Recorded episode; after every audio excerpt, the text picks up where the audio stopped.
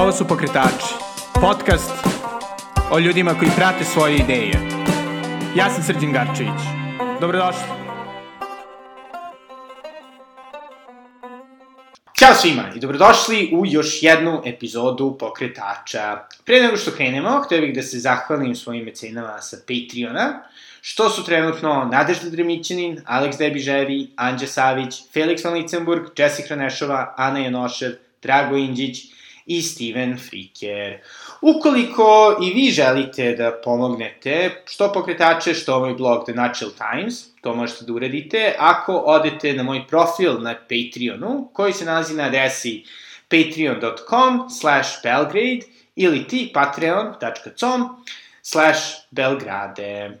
Kako već duže vremena razmišljam o tome da otvorim svoj kafić, odlučio sam da u goste pozovem pokretača jednog od mojih omiljenih kafića u Beogradu, u Žitka, Dragutina Hadži Boškovića. Sa Dragutinom sam pričao o tome kako je pre pet godina izgledalo pokrenuti kafić koji promoviše lokalne zanatske proizvođače i ima fantastičnu kafu, kao i o dnevnim zadovoljstvima i izazovima sa kojima se susreće. Iako me razgovor sa Dragutinom svakako ubedio da moram definitivno još malo da razredim svoj plan, E, ja sam u njemu uživao, a svakako nadam se da ćete i vi.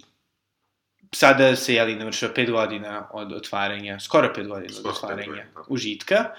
I kako, kako si došao na ideju da, da otvoriš užitak? Pa nešto više od pre pet godina smo, sam došao na tu ideju.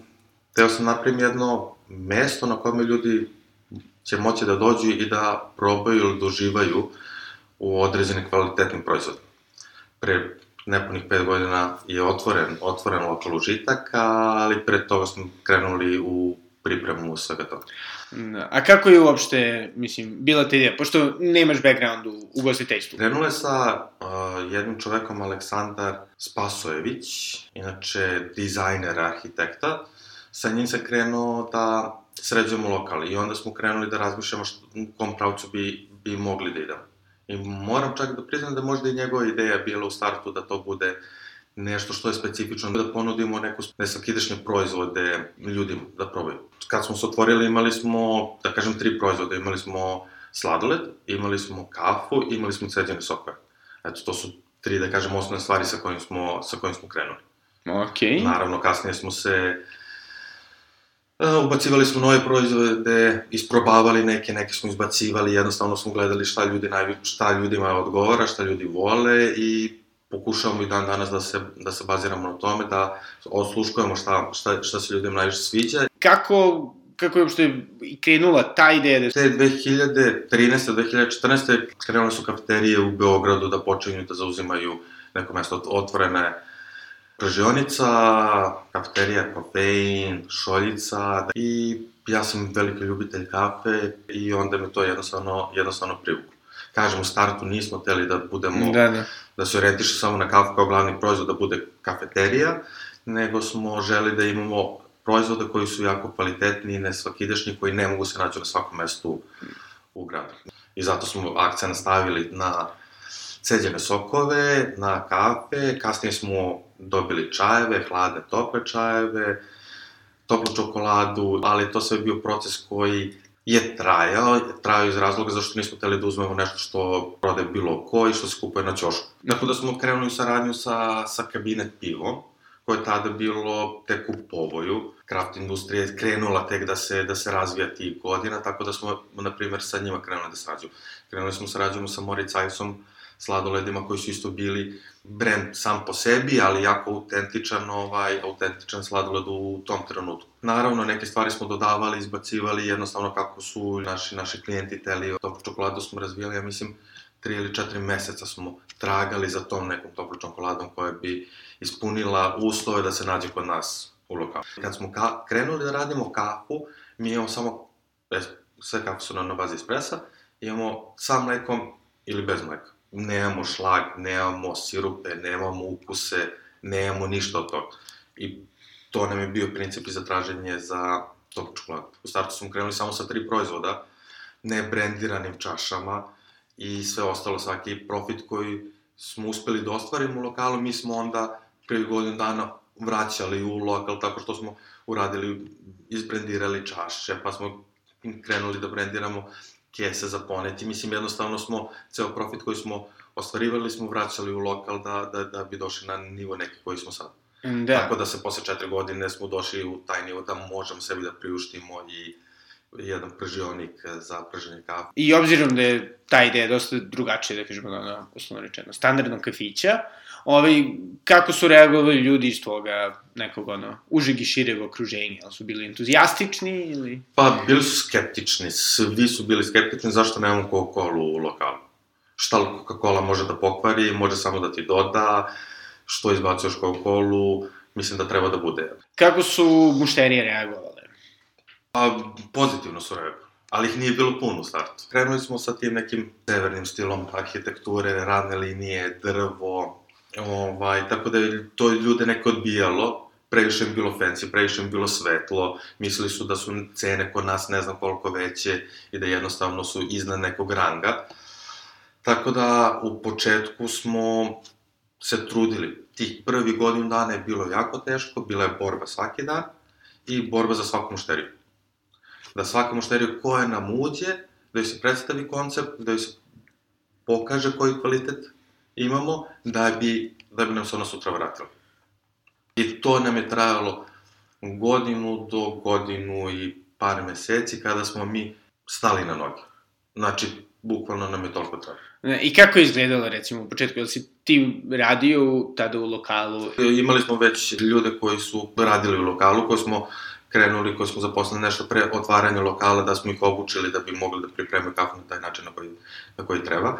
A onda sam ja vikendom, vikendom sam radio, pošto sam ja pored toga imao svoj bredovan posao i nisam mogao radnim danima, onda sam ja vikendom radio iz dva razloga. Jedan razlog je bio da uh, ljudi bi imali neki slobodan dan, A drugi razlog je, ja sam teo da osetim prostor, ja sam teo da vidim koji su nam mušterije, šta oni žele i jednostavno da osetim šta, šta, šta muš, mušterije žele. Kako je izgledala ta borba za svakoga teško, jako mušteriju? Ja se sećaš nekoga primjera da je baš bilo zanimljivo? Pa nemamo sa te strane primjeri. Da, Da, imamo tu sreću, ako mogu to da nazovem srećom, da imamo, ajde, možda zvuče pretenciozno, da imamo kvalitetne proizvode, tako da kogod je ušao kod nas, ko je probao, on, njemu se to svidelo i on, on nam se više manje, više manje vratio. Mm. Ali su bili veliki problemi od toga da uh, snabdevanje kafom nam nije bilo redovno, jednostavno pošto sam ja ušao u sve to, nisam znao koje nam zalihe trebaju, koje nam količine trebaju, kako se poručuje nešto, kako se trebuje, koliko vremena dok mi poručujemo nešto dođe. Pa smo imali problem uh, sa čašama za poneti koje su nam curile. To nije jednostavno bio naš, mislim, nije do nas, mi smo ih takve kupili, ali uh, imate sada te dobavljače koji vas ucenjuju sa određenim količinama, onda smo mi kupili 5000 komada čaša koje jednostavno nije svaka, ali svaka treća je curela. Imali smo neprijatnosti da su ljudi pro, mislim, Polivali. Po, polivali, polivali kafom. Da, što pretpostavljam da nije ništa što si zamišljao u početku kad si hteo da napraviš kraft. Da, da, daleko, Kafić. daleko, daleko, daleko od toga, ali, na primjer, i ti ljudi koji su do, dolazili, oni su nam rekli, e, samo da znate, nešto mi u redu, polio sam se, polila sam se, ali niko nije bio iznerviran, niko nije bio neprijatan. Jednostavno, imali smo sreće, valjda, i koje mušterije imamo. Da. Mi, da. evo, za tih nepuni sada pet godina, nismo imali ni jedan incident u, u lokalu da je neko bio neprijatan prema nekome između mušterija i nas zaposlenih ili između mušterija i mušterija, stvarno je to da da ne ureknem, ali da kažem, eto, imamo nekako sreće da su nam i mušterije jako, jako, jako fini i, Da. i dobri ljudi. I je li bio jedan trenutak u tih prvih godinu, godinu i po dana da si bio na foru? Ovo propada, kraj, zatvaramo, Ne. tek sutra. Ne, ne, ne, ni u jednom trenutku nisam rekao da ovo propada ili ovo kraje, ali bilo je faza kad meni padala klapna, ono kao ne mogu više. Aha, Ne zato što posao ide loše, posao je nama išao uzlaznom putanjom i on i dalje ide uzlaznom putanjom, što je, što je, što je odlično, ali jednostavno previše, previše napor, neki dan imamo napor, e, napor. a šta ti je najnapornije bilo? Pa jedan dan je bilo da nam je od komšije krenulo nešto da curi, a u tom trenutku to je bilo šest, pola sedam, gde sam ja pre pola sata došao kod kuće i taman sam seo u fotelju, skuo kafu, teo da pogledam šta ima na, na televiziji, da se odmorim od tog radnog dana, kad meni zazvonio telefon kad su me zvali da moram da se vratim u lokal, zašto nam nešto curi. I to je, ja mislim, bio jedan od tih trenutaka kad sam rekao šta će meni ovo u životu, sada da stavim katarac tamo. Onda sam došao, onda sam vidio da je pun lokal, da su ljudi sedeli tamo. Iako sam ja visio po šanku, gledao dakle na curi i sve ostalo, ljud, niko nije, niko nije zamerio, svi su bili prijatelji, svi su uživali u nekog u toj kafe, onda sam rekao, okay, zbog toga smo tu valjda. Da li, da li se to uzbuđenje nastavlja i posle, ono, druge, treće godine? Naravno da u nekim trenucima izumire, ali zato uvek se nalazi nešto novo i zato idem, zato smo mi sad pre, sad će skoro godinu dana krenuli da pržimo, pržimo kafu, da smo ušli u taj novi, da kažem, dodatni posao. I onda je to podiglo sada, vratilo to uzbuđenje koje je bilo, koje je polako krenulo da, da, da, da zamire. I kako izgleda prženje kafe? Interesantno, vrlo interesantno je to. Mi smo skoro, pa, nekih 3, 4, 5 meseci smo samo pržili kafu i mi smo isprobavali i sa ljudima koji su nama stalni gosti smo davali da probaju da bi nam oni rekli šta oni misle. Znači mi uopšte nismo prvih jedno 4-5 meseci uopšte tu kafu koju mi pržimo stavljali u promet. Uh, posle eto, tih skoro 4 godine koliko smo radili i uzimali kafu od drugih ljudi. U startu smo postavili granice kako kafa mora da, da nam da ispunjava uslove.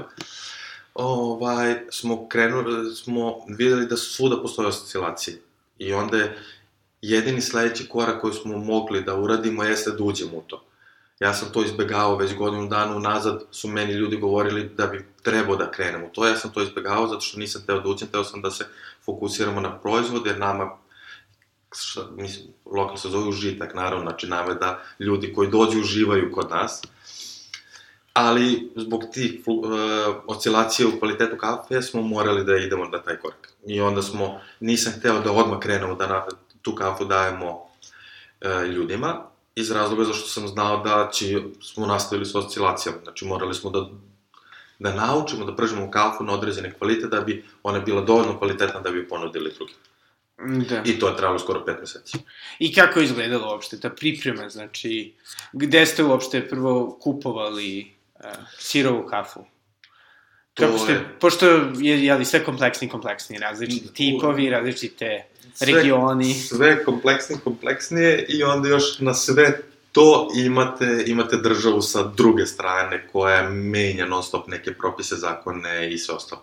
Tako da moram da priznam da mi sa te strane države nis, nikad nismo imali sreće. ovaj, U toj godini su uvedene akcize, kafe uvek bila akcizna roba, ali se ona plaćala samo pri uvozu kafe. Sad smo svi u lancu obavezni da se prijavimo kao prodavci, proizvođači, kako oni proces prženja nazivaju proizvodnjom, tako da smo mi proizvođači sada kafe, moramo se da se prijavimo, da se registrujemo, da uzmemo akcizne markice, da te akcizne markice lepimo i naravno da plaćamo. Sad, to je sad sistem ko PDV. Mm -hmm. Svako ima određeni deo akciza koje mora da, da plati, od uvoznika do, do nas kao krajnjih, krajnjih korisnika te kafe. Tako da smo krenuli taj proces, onda smo krenuli da izučavamo koji su nam uslovi potrebni da bi mi mogli zakonski, kad kažem zakonski, ne mislim u procesu akcize, nego u procesu filtera, e, zagađenja vazduha i svega ostalo ekoloških uslova koje moramo da ispunimo da bi mogli da pržemo kafu. A znači, ovaj, i to postoji kao... Pa sve postoji na papiru, sad zavisi ko vam gleda i ko, ko, ko traži. Mi smo okay. se trudili da idemo, da ispunimo sve te uslove, da ne bi potencijalno imali problem kod nekoga. Jer, i svi su stvar pričali, pa dobro, prvič kako to je lep miris, svima će se svideti. Ja sam rekao, uvek postoji neko kome se neće to svideti. I na kraju se ispostavilo, pre tri meseca smo imali čoveka kome se taj miris ne sviđa i koji nam je potencijalno teo da pravi problem u smislu da je teo da nas prijavimo, mi smo rekli, ok, prijavite nas, evo vam papiri naše, iz laboratorije, filteri, sve ostalo što smo uzeli, sve zakonske uslove smo mi ispunili, tako da, mislim, inspekcija može slobodno da izađe na teren, nemamo nikakav problem. Aha. Ali zbog, da, da ne bi došli u tu situaciju, mi smo se u startu trudili da sve uradimo kako, kako treba po zakonu. Okay. Tako da i taj proces ovaj traje jedno meseci i po dana, mi smo čak uzeli pržionik koji nam je samo stajao dok nismo te filtere i sve ostalo namestili koje jedno mesec i po dana, dok smo našli ljude koji to prave, koji dok su nam dali ponud, dok su napravi, montirali, i onda smo krenuli u sistem prženja kafe, koji je u tom trenutku opet zbog tih akciza bio jako komplikovan. Zato što su tada uvoznici krenuli da postavljaju nove uslove i nisu teli da prodaju kafu uh, ispod jednog džaka, taj džak je od 30 do 70 kila sirove kafe. A mi da bi vežbali, trudili se da bi probali različite kafe, pošto iz različitih zemalja, kontinenta dolaze, dolaze kafe, jednostavno nismo mogli da, da kupujemo to iz razloga cene koje i novca koji bi angažovali za to. 70 kg kafe, ako kupite tri vrste, to je 210 kg kafe, to je novac koji je angažovan, koji je zarobljen u kafi, drugo treba skladištiti tu kafu na određene uslove, znači to ne može bilo gde se skladišti, i onda jednostavno smo ušli u novi problem. Da. I onda smo se snalazili. Da, pošto nekako Možda ja sam nije za to... javnost kako smo se snalazili, ali da. Da, pošto nekako ono, kad neko kaže smo krenuo u pržionicu kafe, pogotovo nekome koja li voli kafu, kao što sam ja, to zvuči izuzetno romantično, sada zamišljaš. Ljude kako ono, ja sad ću malo da probam, Kostarike, pa Da, da, da. Indije, pa ću malo da propržim, ali izgleda da nije baš toliko... Pa jeste romantično za tog čoveka koji uživa na kraju na- u toj Aha, kao okej. što si ti. Ali za nas samoga- Ko, za, za nas da. koji to pripremamo i koji smo u celom to poslu nije toliko romantično. Da. Okej, dobro. I, ove, I kako ste onda našli vaš ono savršen blend i šta je u tom blendu? Pa, ne, opredelili smo se na, Singlove. na, na singlove. Aha, okej. Ovaj, jer jednostavno, zbog skladištenja prostora, mi nismo mogli da uđemo u blend. Jer ljudi koji uvoze, uvoze pretežno singlove, i onda bi mi morali da pravimo blend, što bi značilo da nam trebaju, da kažem uslovno rečeno, dva džaka po 70 kg, koje treba negde da skladištimo dok, dok ih ne potrošimo. I onda smo krenuli u single. Single koji mi imamo je, Kolumbija sada trenutno, koji se pokazao da su ljudi pozitivno reagovali.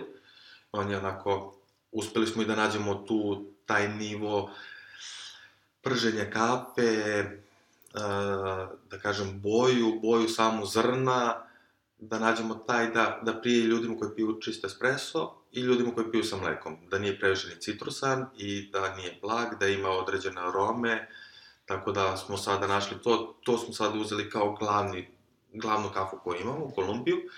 I Arabiku. Arabika, da, da, sve kafe su na 100% arabike, to smo od starta smo krenuli tako, sa robustom uopšte nismo teli da, da ulazimo u to, jer robusta je, da kažem, malo nekvalitetnija kafa u odnosu na arabiku.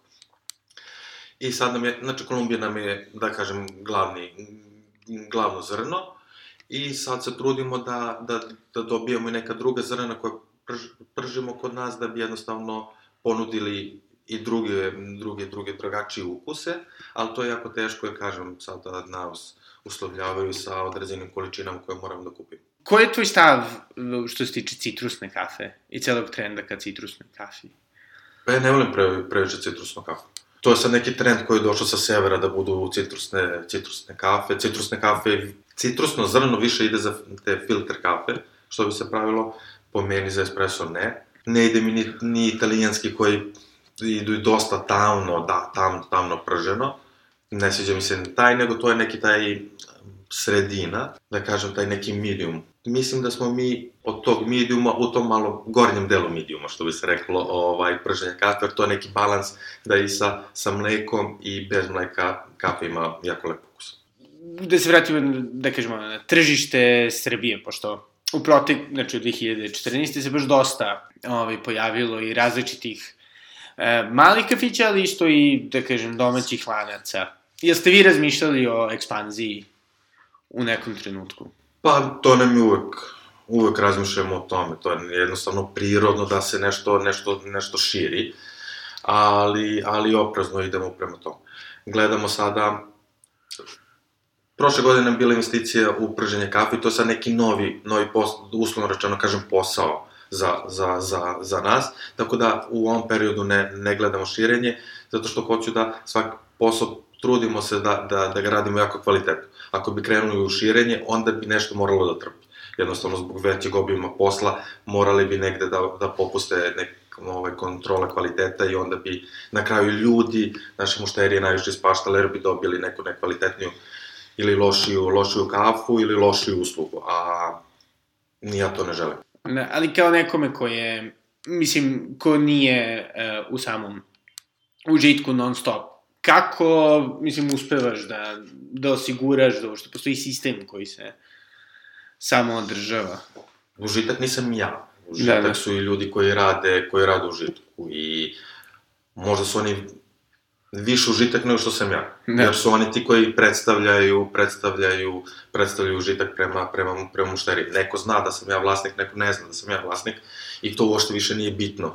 Jer ja kad sam otvario, ja sam teo da se ne zna ko je vlasnik. Ja kad radim, ja obučam uniformu i, i radim zato što je nebitno ko vas služi vam, vi ste došli da popijete kafu, da li je to vlasnik ili neko drugi, nije bitno. Morate sa, sa razgovorima sa njima, sa konstantnim obukama, unapređe, unapređivanjem, razgovorom da dođete do, do željenih rezultata. Pre nego što bilo ko krene da radi kod nas mora da prođe određenu obuku, zato što mi od, uh, kafu pripremamo na određeni, određen način da bi ona bila takva kakva jest.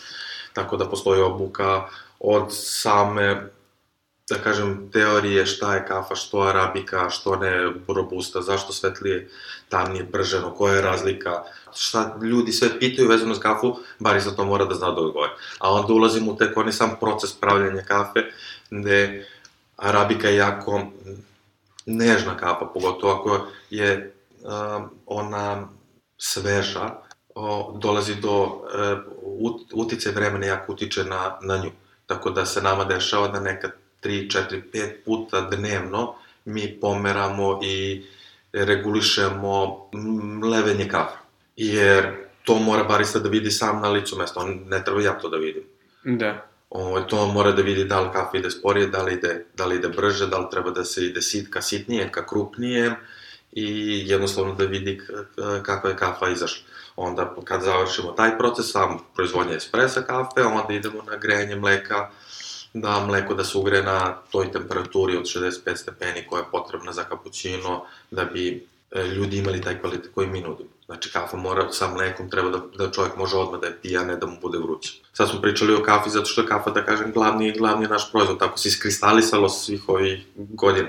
Ali pored toga mi imamo i kvalitetne i čajeve, i toplu čokoladu, i ostale neke napitke, i čajeve pripremamo na različite načine gde se crni i zeleni pripremaju na određenoj temperaturi, biljni idu na određenoj temperaturi, voćni, koliko vremena čaj treba da provede u vodi, pošto mi, nama je voda koju mi pripremamo čaj je 100 stepeni, zeleni ne ide na 100 stepeni, tako koliko vremena treba da, da toj vodi padne temperatura na 70 da bi ubacili zeleni čaj unutra.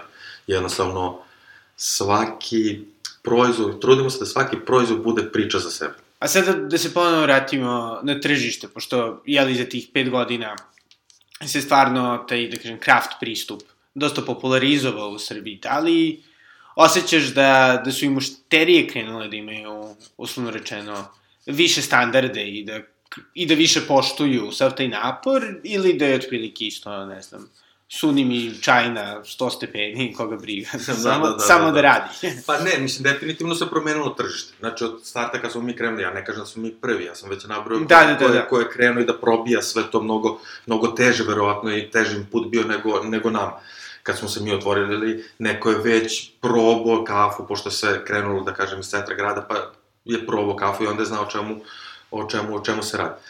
Sad mušterije su krenule. Imamo određen broj ljudi koji jesu izbirljivi sve više i više, jednostavno su navikli na određeni kvalitet kafe i ne žele da, da popiju nekvalitetnu kafu. Ima i dalje ljudi koje može popije bilo gde kafu.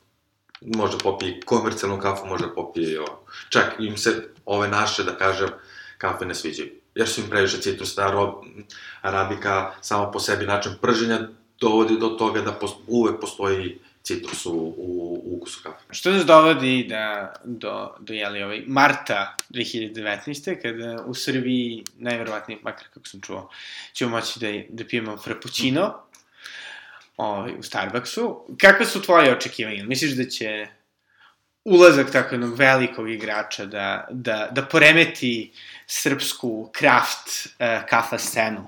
U svetu je drugačije to išlo, u svetu je prvo bio Starbucks, pa je krenula ta craft scena, da kažem. Znači, pored toga su se oni, a kod nas već postoji određena scena i ulazom. Starbucks kao ogroman brand, definitivno najprepoznatljiviji, ja mislim, svuda u svetu, čak imaju neku statistiku da se na svaki 17 sati u Kini otvori jedan Starbucks, ovaj, je ogroman. I tu, mislim, da se ne lažemo, mi čak i ne vidim moju potrebu za borbu sa njim. Starbucks, kad dođe, moje razmišljenje, ako dođe, ako se otvori, treba da se otvori prvo kad u decembru, januaru, pa su sad pomerili za mart. Definitivno će se otvoriti u nekom trenutku. Je po meni još bolje, zato što ja mislim da će tamo popiti kafu koja da će ljudima mnogo veće očekivanja da budu nego što će dobiti kvalitet kafe. Mm -hmm. Tako da će se oni vratiti nam, s jedne strane. Sa, sa druge strane, postoje određeni ljudi koji znaju šta je Starbucks, probali su ga po svetu i znaju koji kvalitet kafe i način na koji kafe, na koji oni pripremaju. I treća najvažnija stvar, mi sličan takav lanac već imamo u Srbiji, koje je krenuo možda pre svih nas koje je krenuo, koji imate uh, kafe sa... Određen... Desert kafe, da. Da, ajde da i tako nazovemo, što su sve kafe po 2-3 de, decilitra sa svim i svačim, tako da je pre mislim da će bude, bude borba između njih za to tržište, to nije naše tržište ljudi, to nisu, to, to nisu ljudi koji nama trebaju i koji dolaze kod nas. Šta bi recimo bio tvoj savjet nekome ko bi hteo da otvori craft kafić? Šta je, šta je recimo jedna stvar koju bi volao da znaš, da si znao pre pet godina? koja bi ti olakšala život? Pa, mislim, jedna stvar, ne znam koja je. Postoje, no, da, da dobro razmislite da li želite. To je, to je neprestana borba u kom smislu borbe? To su vrlo lepih trenutaka proživiš kroz to. Vidiš nešto što se razvija, što je nešto bile početno tvoja ideja koja se lepo razvija, koja je prihvaćena od drugih ljudi, koja se sviđa drugim ljudima, jako lepo osjeća. Mislim, evo, znam po sebi. Ali s druge strane imate non stop neku borbu sa birokratijom, sa državom, sa menjanjem propisa, sa stalnim nekim poskupljenjima koji dolaze, koje vi ne možete da predvidite, a i vi ne možete na taj način da menjate vaše cene.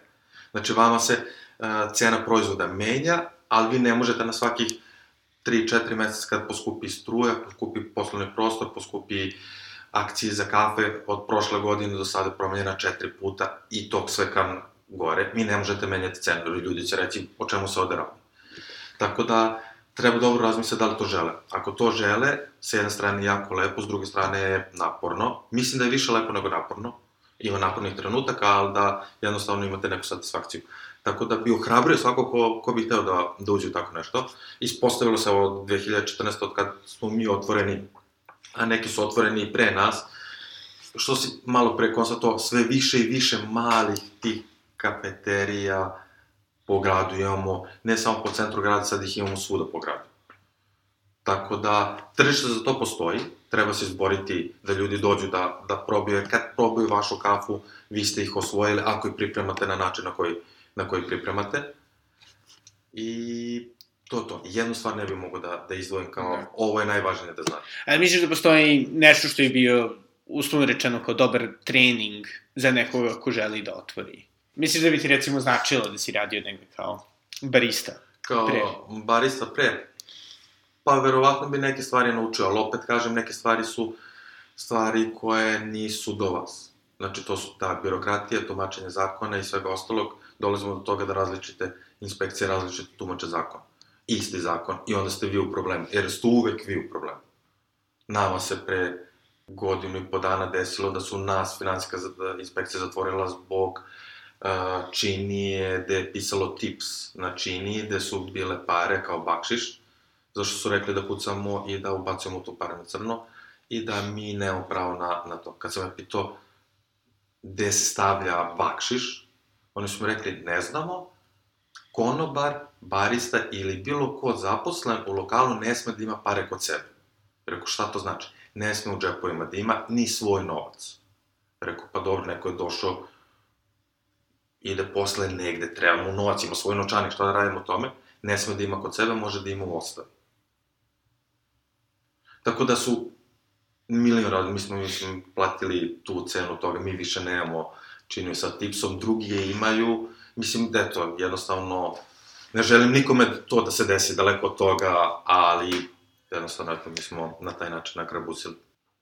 I to je bio Dragutin Hadži Bošković iz Užitka. Nadam se da vam se ova epizoda svidela. Ukoliko jeste, molim vas podelite je, lajkujte je i komentarišite, jer je to najlakši način da se dođe do šire publike. Takođe, ako ste zainteresovani da za cenu par kafa podržite ovaj podcast i moj blog The Natural Times, to možete učiniti na Patreonu, to jest na mojoj stranici, čija je adresa patreon.com slash belgrade ili ti patreon.com kosacrta belgrade. Hvala puno i do sledeće epizode. Doviđenja.